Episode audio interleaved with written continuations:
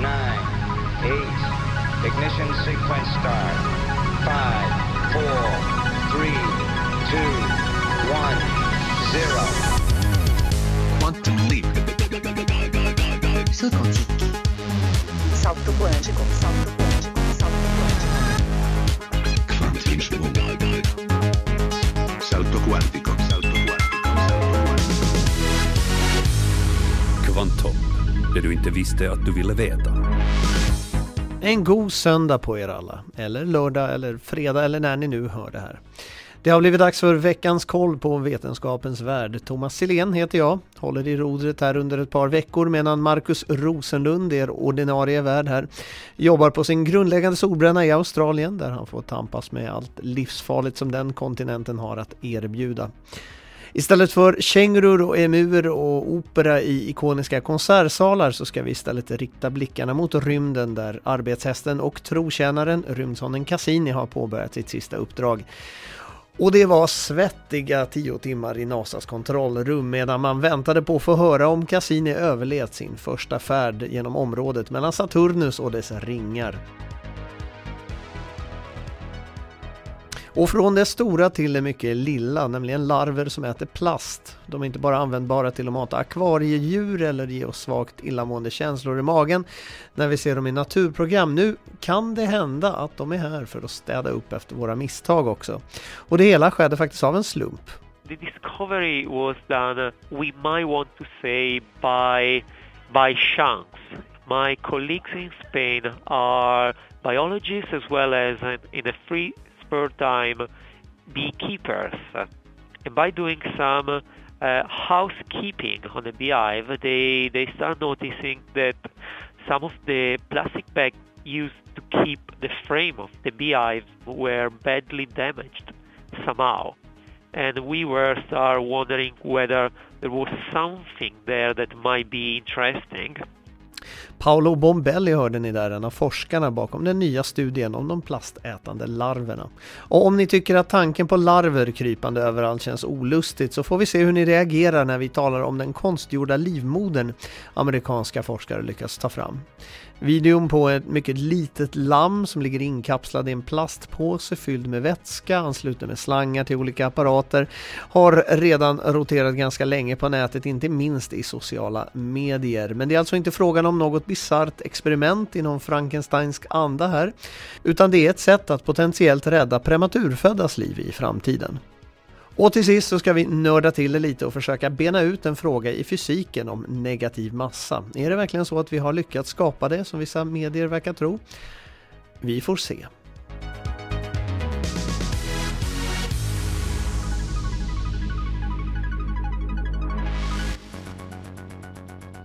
Alldeles strax blir det vetenskapsnotiser men innan dess så låter vi Robin ta tonen stund.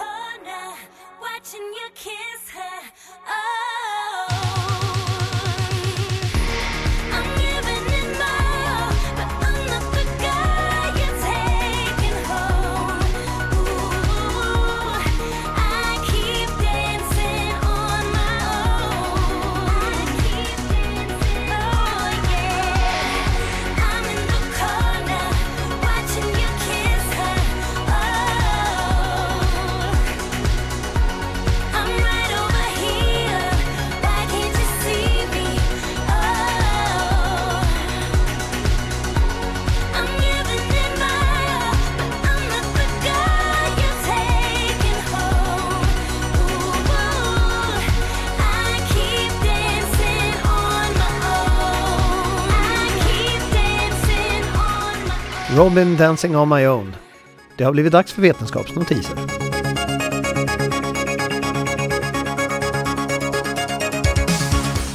Den här veckan har det hållits ett alldeles nytt sorts rally i vetenskapens värld. Men eh, det här är inte vilket rally som helst, för vi talar om ett nanorally. Sex lag från tre kontinenter har testat sina racekunskaper i ett unikt lopp på en bana i skinande guld. Eventet tog plats i Toulouse i Frankrike och det var inte några superbilar i grälla färger och vrålande motorer som tävlade utan det var små molekyler. Lagens uppgift var att vara först med att under 36 timmar flytta sina molekyler 100 nanometer vilket ungefär motsvarar en tusendel av bredden på ett människohår. Det här gjordes i ett laboratorium på en gyllene bana inkapslat i vakuum och nedkylt till några grader strax över den absoluta nollpunkten.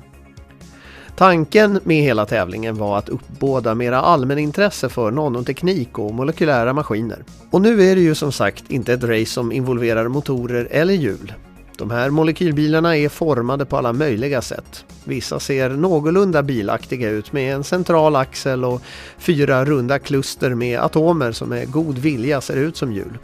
Andra är oformliga massor som ser ut som ratade frukostflingor. Och allt som sagt på en minimal nivå.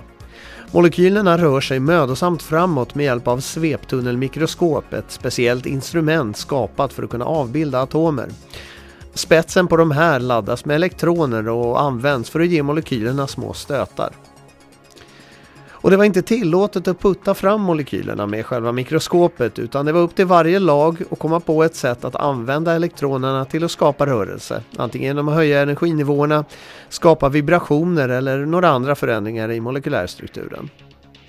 Nu är ju inte det här bara för nöjes skull utan tävlingen var samtidigt en chans för internationella grupper att experimentera med hur olika molekyler beter sig under specifika förhållanden.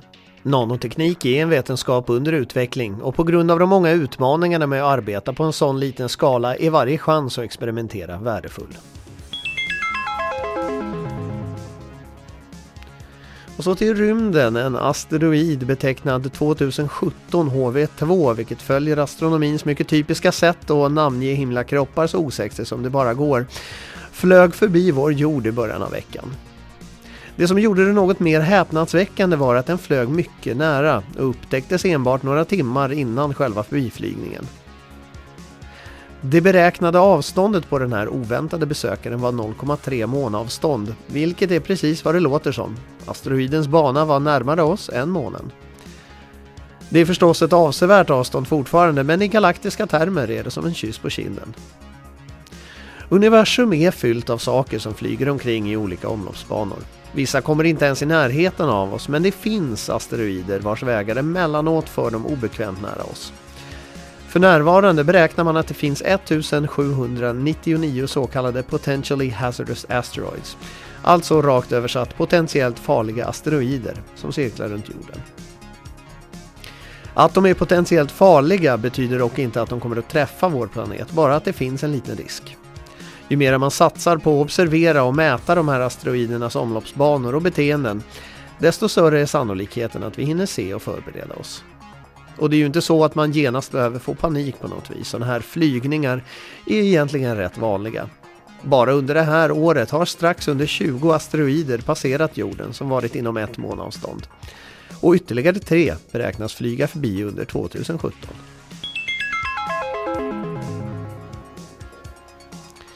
Den senaste tiden så har en del fokus lagts på utvecklingen av effektivare och effektivare kommunikationsverktyg i vardagen.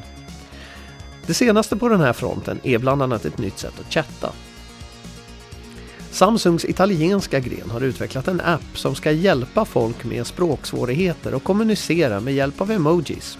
Ni vet de där små tecknade ikonerna som är en vanlig ingrediens i de flesta chattprogram idag. För folk med afasi, en sjukdom som ger personen svårigheter att läsa, skriva eller tala, så kan den här appen vara en behövlig hjälp i den dagliga kommunikationen. Samsung samarbetade med en italiensk språkterapeut, Francesca Polini, och sammanställde översättningar av 140 meningar till emojis. En mening som exempelvis “Hur mår du?” blir till exempel en smiley, en hand som ger tecknet okej och ett frågetecken. Den här appen har två lägen, en textbaserad och en visuell. Tanken är att användarna ska kunna välja hur de ska skicka och ta emot meddelanden. En avsändare kan skicka ett meddelande i emojiform och beroende på hur mottagaren ställt in sin app så tar de emot meddelandet antingen som bilder eller som en text. Eftersom appen bara har 140 meningar till sitt förfogande så betyder det förstås att det i dagsläget i alla fall inte går att använda den till något mer avancerade samtal. Men den borde kunna vara en god hjälp i vardagen för folk med språksvårigheter.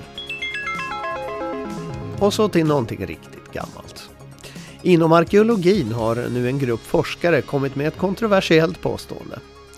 Enligt deras studier ska människan ha anlänt på den nordamerikanska kontinenten 100 000 år tidigare än vad man trott. Grunden för det här påståendet är de knäckta benen från en 130 000 år gammal mastodont, vilket är en gammal utrotad släkting till mammuten. Benen hittades i Kalifornien och vid närmare undersökning så verkar det som att benen knäckts med hjälp av slag från stenar. De stenar man fann i närheten av utgrävningsplatsen verkar bära spår av att ha använts som hammare.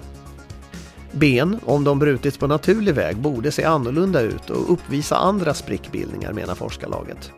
De här ser ut att ha knäckts av snabba riktade slag istället. Och de övriga stenarna, de här hammarstenarna, styrker den här teorin menar forskarna. Enligt forskarlaget kan de brutna benen tyda på att någon version av våra äldre släktingar som exempelvis neandertalare eller Homo erectus har varit i farten. Men forskare är skeptiska, mycket på grund av att det saknas annan bevisning på att människan skulle ha varit närvarande på kontinenten då. Genetiska och andra arkeologiska bevis placerar vårt släkte på den amerikanska kontinenten 15 000 år bakåt i tiden. Det skulle krävas flera tydliga arkeologiska fynd i form av stenartefakter eller bosättningar för att kunna bekräfta de nya teorierna. Arbetet med att analysera fynden och diskussionerna kring dem kommer otvivelaktigen att fortsätta länge än.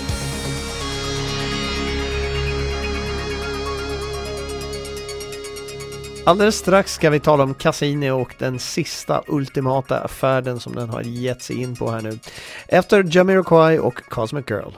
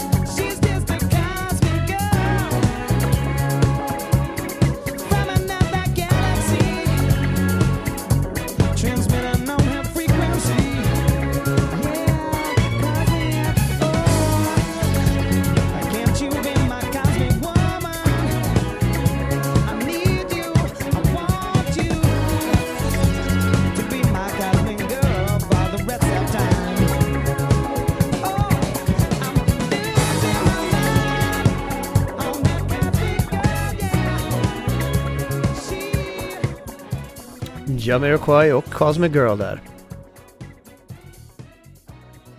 Det har blivit dags att säga adjö till rymdsonden Cassini. Den skickades upp 1997 med uppdrag att studera Saturnus och dess omgivning och nu har den inlett det absoluta slutet på sin karriär.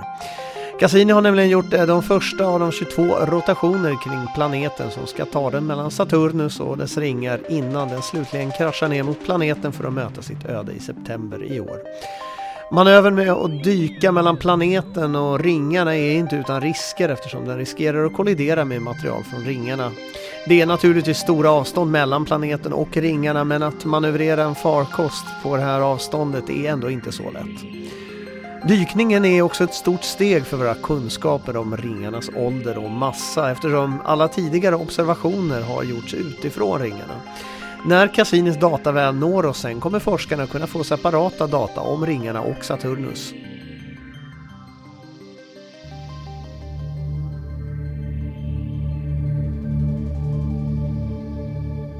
Saturnus är alltså planeten som Cassini, eller Cassini-Huygens som dess hela namn lyder, har ägnat de senaste 12 åren åt att utforska.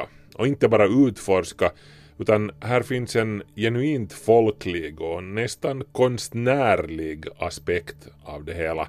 Cassini är nämligen något av solsystemets mästerfotograf. Cassini är ju förstås utrustad med alla de sedvanliga vetenskapliga mätinstrumenten men det är dess kamera som har gjort den till någonting man minns. Nå jo, det är ju förstås människor som bestämmer vad Cassini ska fota, men jag har kommit att tänka på den här sonden lite som en Henri Cartier-Bresson i yttre rymden. Så häftiga och slående är bilderna som sonden har levererat under årens lopp. Bilder av Saturnus och dess månar. Många av dem kunde när som helst platsa på vilket modernt museum som helst. Det här beror ju förstås till en stor del på att Saturnus är en så oerhört fotogenisk planet. Eh, Saturnus, jätteplaneten med de slående ringarna och de många månarna, inalles 62 stycken varav Cassini har upptäckt sju, gör sig helt enkelt exceptionellt väl på bild. Det är lätt att glömma bort att vi har att göra med en jättelik gasplanet, nästan hundra gånger större än jorden. Den kunde vara ett örhänge.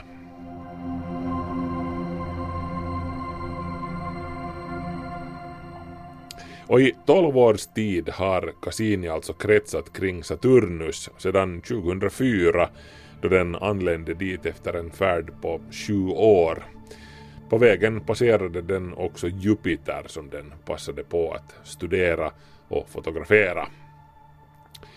Cassini är ett gemensamt projekt för NASA, ESA och den italienska rymdstyrelsen AEC och den har fått sitt namn efter den italienska astronomen Giovanni Domenico Cassini som på 1600-talet studerade Saturnus ringar och upptäckte bland annat hur de är indelade i olika segment. Just att studera Saturnus ringar har varit ett av de huvudsakliga vetenskapliga målen för Cassini-sonden.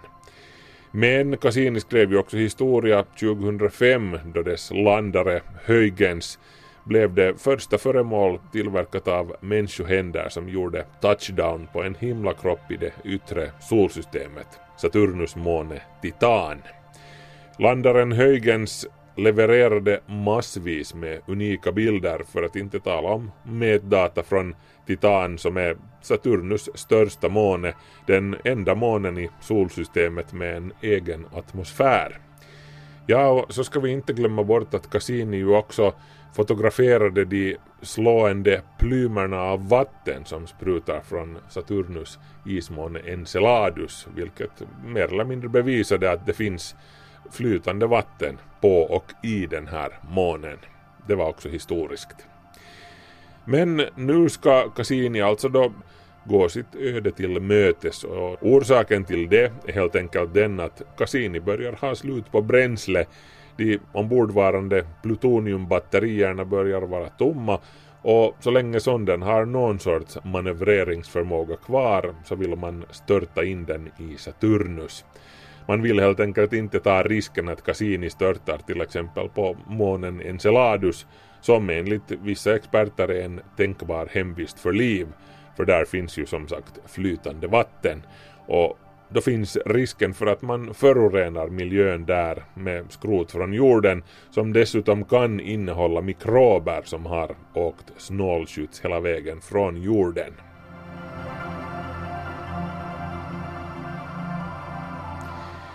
Men innan Cassini slutgiltigt biter i gräset så ska den alltså utföra ett sista uppdrag, något av ett kamikaze-uppdrag faktiskt, vilket antagligen är orsaken till att man har lämnat det till sist. Cassini ska göra våghalsiga dykningar förbi och till och med genom Saturnus yttre ringar. Först klättrar den högt upp ovanför Saturnus nordpol och sedan störtar den ner mot ringarna.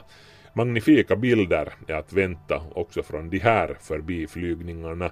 Men som sagt, sedan är Cassinis saga all. Som Cassini-programmets chef Caroline Porco sade i ett pressmeddelande This is it, början på slutet för vår historiska utforskning av Saturnus. Slutet är nära för solsystemets mästerfotograf. Tack för de gångna åren, Cassini.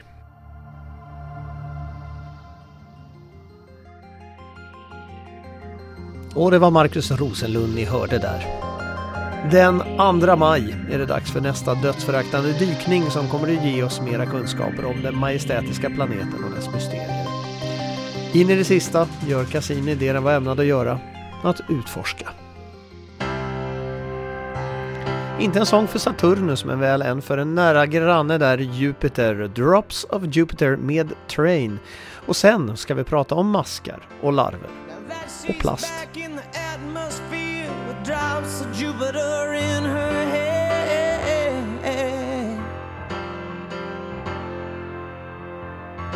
She acts like summer and walks like rain. Reminds me that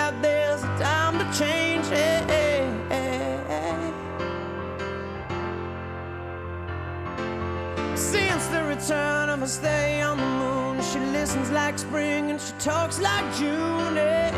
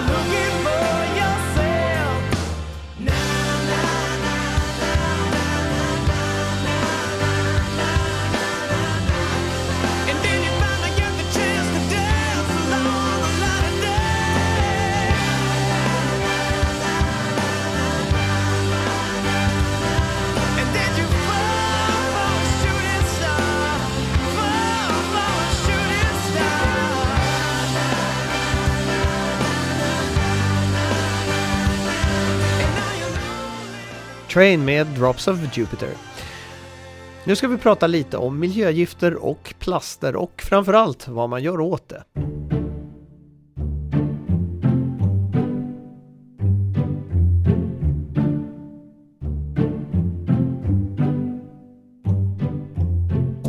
Det är lovande tider för kampen för miljön, trots politiskt motstånd och skepsis på många håll och kanter. Den här veckan fick vi ta del av en nyhet som handlar om plastätande larver, eller snarare om det larverna utsöndrar. En grupp forskare meddelade tidigare i veckan att de nu har resultaten klara från ett forskningsprojekt som tog sin början 2012. Och det hela började med bin. Federica Bertocchini är utöver att vara forskare vid det spanska forskningsrådet CSIC även en hängiven biodlare. Och det var när hon försökte bli av med en invasion av larver av arten större vaxmått från sina bikupor som hon gjorde en häpnadsväckande upptäckt, helt av misstag. De här larverna är ökända bland biodlare som kan få sina odlingar helt förstörda av larverna vars föda består bland annat av trä och vaxet i bikupor. Bertocchini hade placerat larverna i en tillsluten plastpåse och när hon återvände märkte hon att de var överallt på golvet. De hade flytt från påsen genom att göra stora hål i den. Det här gav henne idén att starta ett forskningsprojekt tillsammans med Paolo Bombelli och Chris Howe från universitetet i Cambridge för att titta närmare på det här fenomenet. So my name is Paolo Bombelli. I'm a postdoc in the Department of Biochemistry at University of Cambridge. The, the discovery was done, uh, we might want to say, by chance. And that point we were in 2012, so five years ago, and we were start wondering whether there was something there that might be interesting. And then from that point we start doing a bit more investigation, checking out whether the plastic was indeed a polyethylene rather than a biodegradable plastic, and then try to understand what was causing this uh, damage I testmiljön i ett laboratorium förstörde 100 larver 92 mg plast av typen polyeten under loppet av 12 timmar. Från början trodde Bertocchini och hennes kollegor att larverna helt enkelt tuggade i sig plasten, men undersökningen visade någonting helt annat. and also try to discriminate whether it was or- was only a, a mechanical damage that of course as you might understand is not very interesting because you can do the same degree of damage by with a pair, pair, a pair of scissors or perhaps something more profound like chemical uh, degradation we were able to prove some degree of chemical degradation and this is why it's quite interesting För att utesluta möjligheten att det var insektens käkar som stod för förstörelsen så tog man det något makabra steget att mosa en del larver och förvandla dem till en pasta. Det här smetade man sedan på mera plast och konstaterade att det bröt ner den under loppet av 14 timmar. Vilket antyder att det är någonting i larvens matsmältningssystem som skapar den här reaktionen. Det larvernas nedbrytningsprocess lämnar efter sig är etylenglykol som finns i bland annat kylarvätska.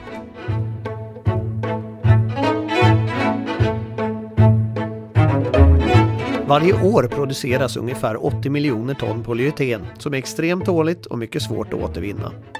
En enkel plastpåse av polyeten tar ungefär 100 år på sig att förmultna helt medan mera kraftiga påsar av samma material kan ta upp till 400 år. De nuvarande metoderna att bryta ner polyetenplaster tar månader och kräver att man tar frätande kemikalier i bruk. Andra försök att bli av med plastproblemet i världen har gjorts och plaståtervinningen i till exempel Finland har gått framåt. En liknande studie som den Bertocchini, Hao och Bombelli just nu publicerade kom 2014 då ett forskarlag från Kina och USA konstaterade liknande plastnedbrytande drag hos vissa larver. we definitely refer refer to that study in our study.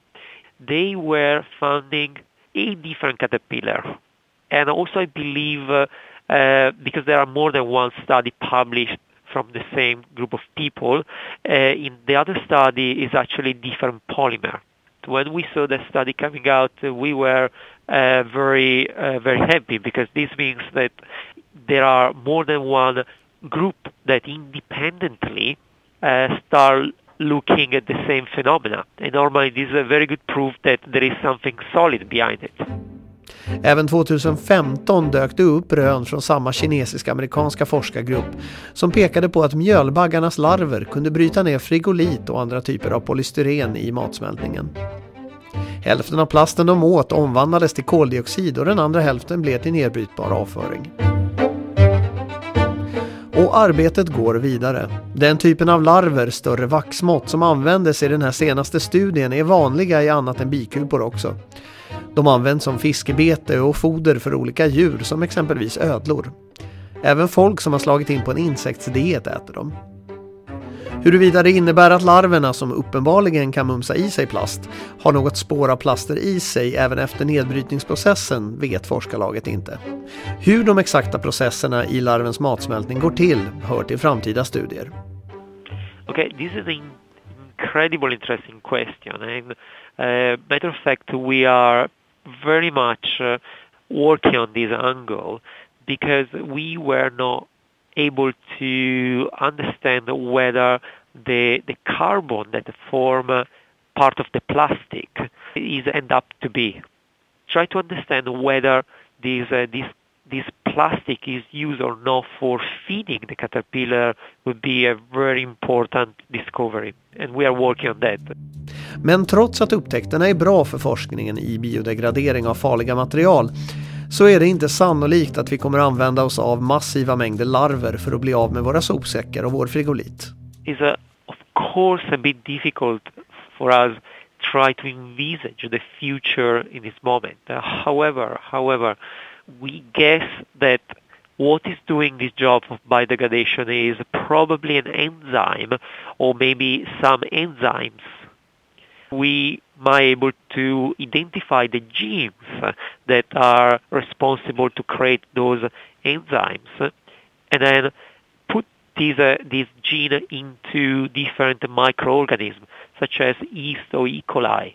Then uh, those microorganisms are being already used on the industrial scale.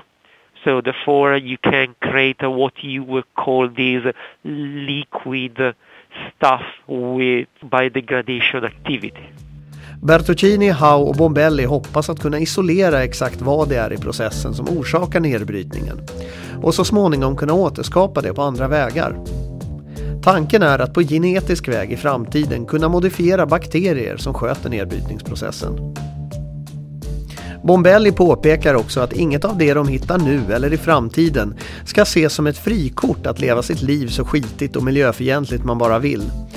Att forskare hittar sätt att lösa problem betyder inte att man inte behöver hitta på sätt att se till att de problemen inte skapas till att börja med.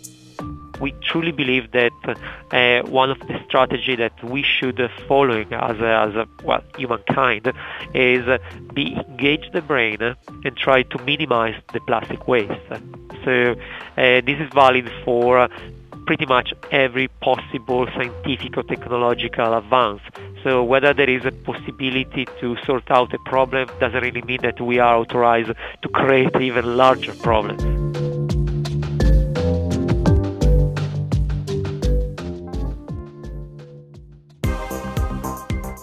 Om en liten stund ska vi få reda på varför man stoppar små lamm i påsar och fyller det med vätska, men innan dess lite Depeche Mode och Enjoy the Silence.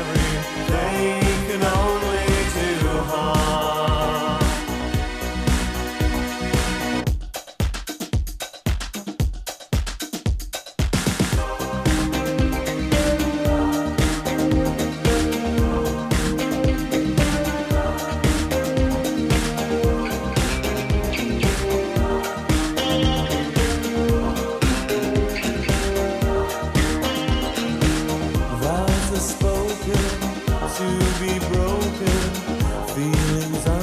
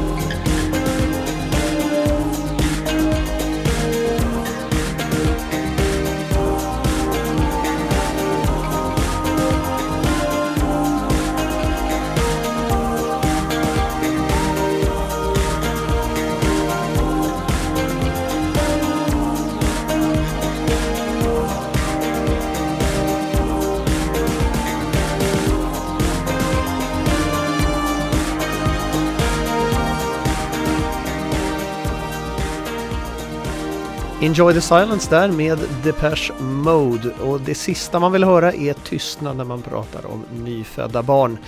Prematurer har varit ett svårlöst dilemma för många läkare. Hur håller man någon vid liv som egentligen borde vara inne i livmodern? Nu finns det kanske ett svar på den frågan.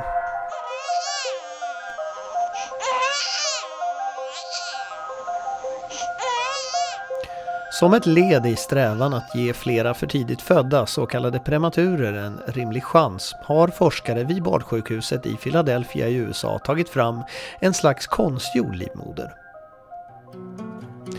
Prematur används som benämning på barn födda före 37 graviditetsveckans utgång.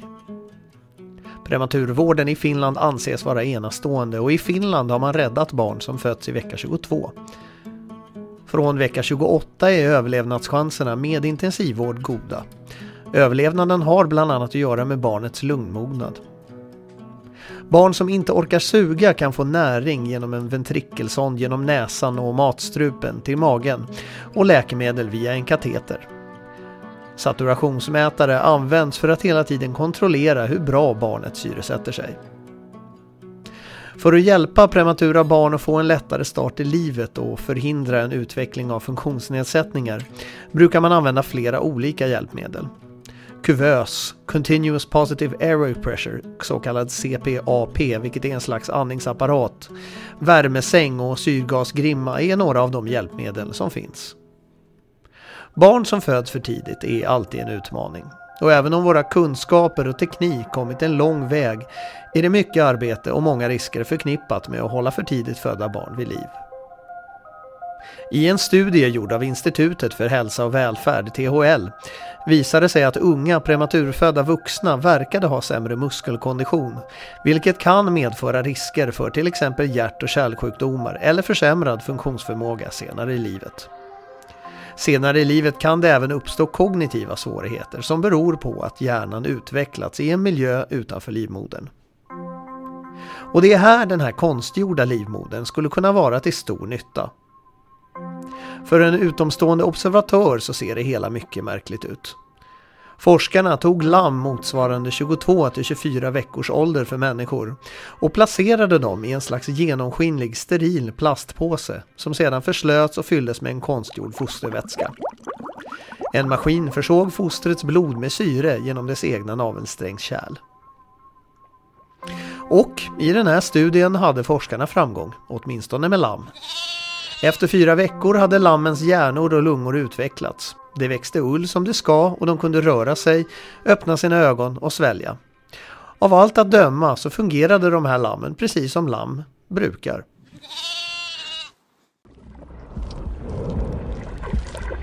Det här låter som taget ur science fiction-filmen The Matrix. Men till skillnad från den här dystopiska visionen så inger studien hopp. Forskare tror att om man kan ha kvar barn i livmodern i ytterligare två till tre veckor så skulle en del av riskerna som uppstår i dagsläget med prematurer kunna undvikas. Men vi får se hur det går. Det är ju en del skillnader mellan ett lammfoster och ett människofoster. Så vägen till att vi får se det här i vardagen är ännu en bit bort, kanske runt 20 år. Försök har dessutom gjorts med konstgjorda livmödrar tidigare, till exempel i Japan i slutet av 1990-talet. Och det här gick i stöpet på grund av diverse problem med bland annat blodcirkulation och teknik. Men när det väl kommer så är det inte genomskinliga plastpåsar vi kommer att placera våra prematurer i. Forskarna i studien spekulerar i att framtida versioner kommer att vara mera som ogenomskinliga kuvöser med mätinstrument för att övervaka processen och skona föräldrarnas redan rätt skakiga nerver.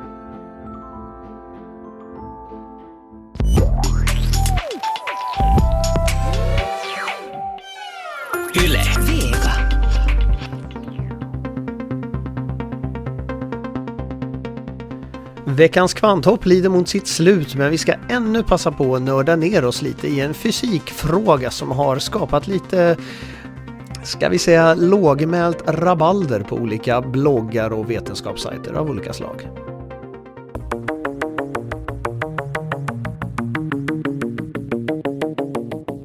Det rör på sig inom fysikens värld.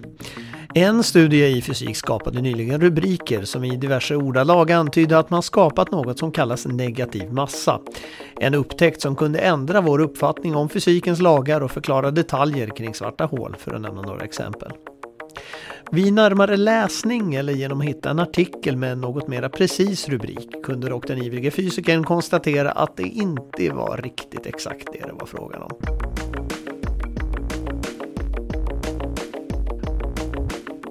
Professor Peter Engels och några av hans kollegor från Washington State University kylde ner rubidiumatomer till nästan den absoluta nollpunkten, vilket är ungefär minus 273 Celsius.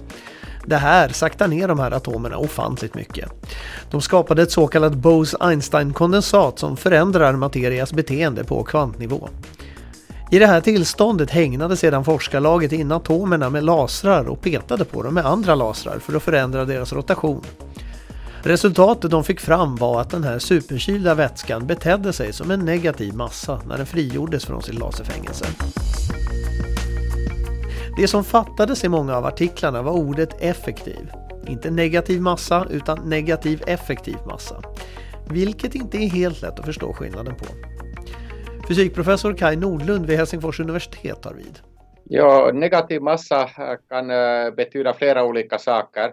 Och eh, I fysiken så är det två grundkategorier eh, som man skulle kunna tänka sig. Eh, En är negativ massa med avseende på partiklars eller objekts rörelse och en annan med avseende på tyngdkraften.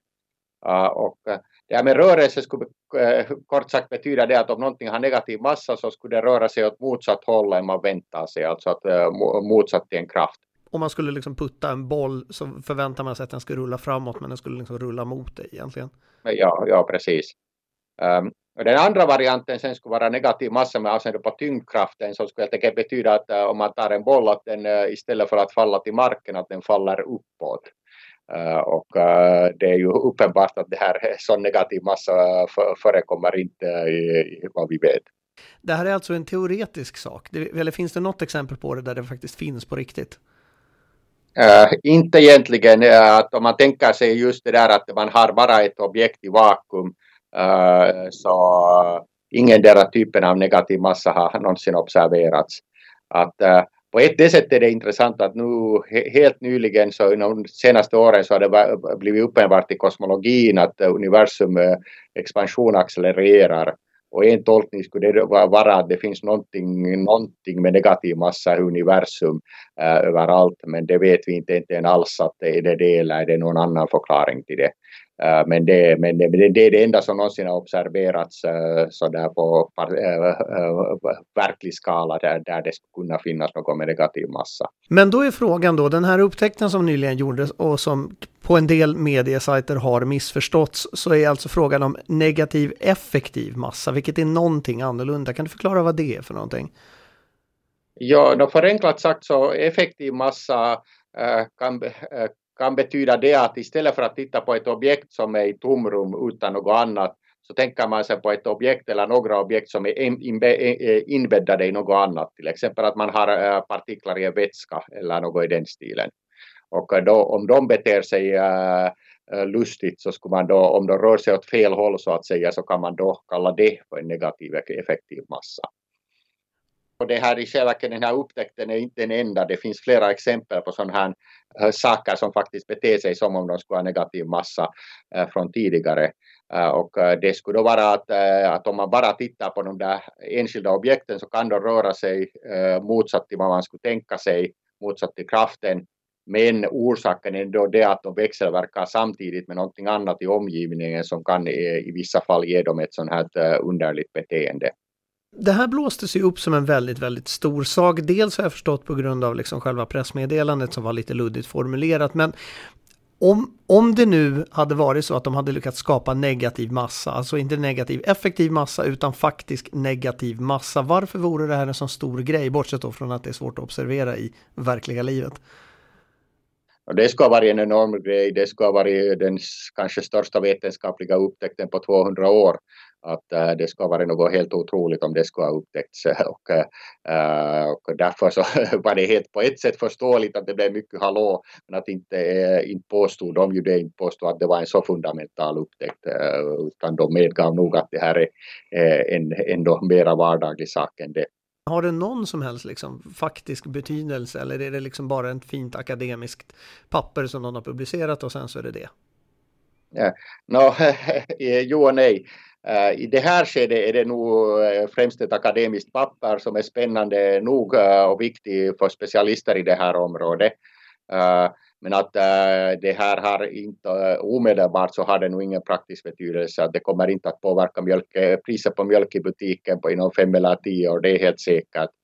Men man ska samtidigt inte undervärdera sådana här upptäckter. Att, äh, jag kan ta här en analogi att för ungefär 60-70 år sedan så insåg man att äh, elektroner inne i vissa halvledarmaterial så de kan också ha negativ effektiv massa. Äh, det vill säga de kan röra sig åt motsatt håll än man tänker sig. Och då var det för 70-80 år sedan så var det helt rent akademisk upptäckt. Men nu för tiden alla datorer och alla mobiltelefoner, allt vi använder dagligen, äh, så deras funktion äh, baserar sig delvis på den här negativa massaeffekten som man upptäckte då. Eh, Så sånt som nu är, verk, låter som grundforskning och mycket akademiskt så kan visa sig ha enorm betydelse på en eh, långtidsskala.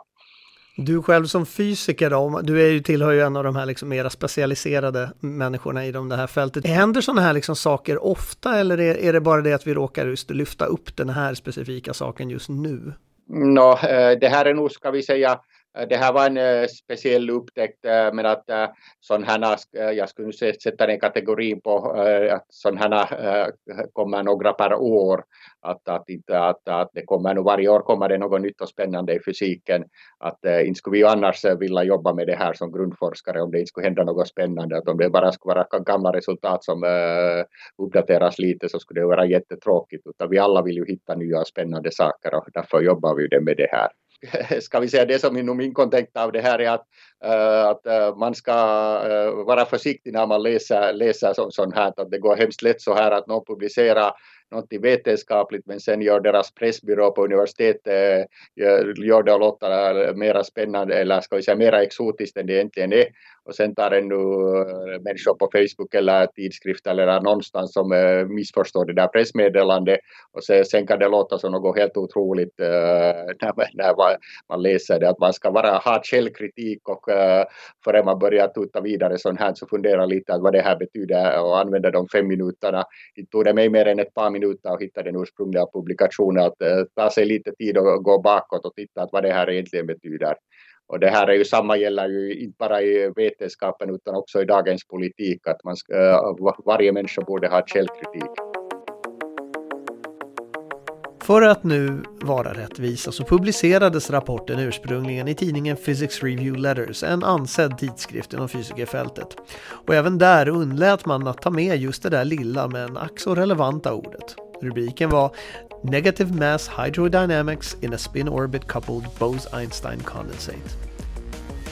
Det kan förstås vara så att mera insatta specialister genast förutsätter att man talar om negativ effektiv massa. Men för de som försökte återge det intrikata innehållet för den bredare massan så var det inte lika såklart. Men alltså, för att summera. Negativ massa, om och när det upptäcks, kommer att vara banbrytande. Negativ effektiv massa i det här fallet är snarare en term för att beskriva beteendet hos ett kondensat som kan ha negativa värden. Så nej, fysiken som vi känner den är fortfarande intakt. Något berikad med nya fakta, men inte så våldsamt förändrad.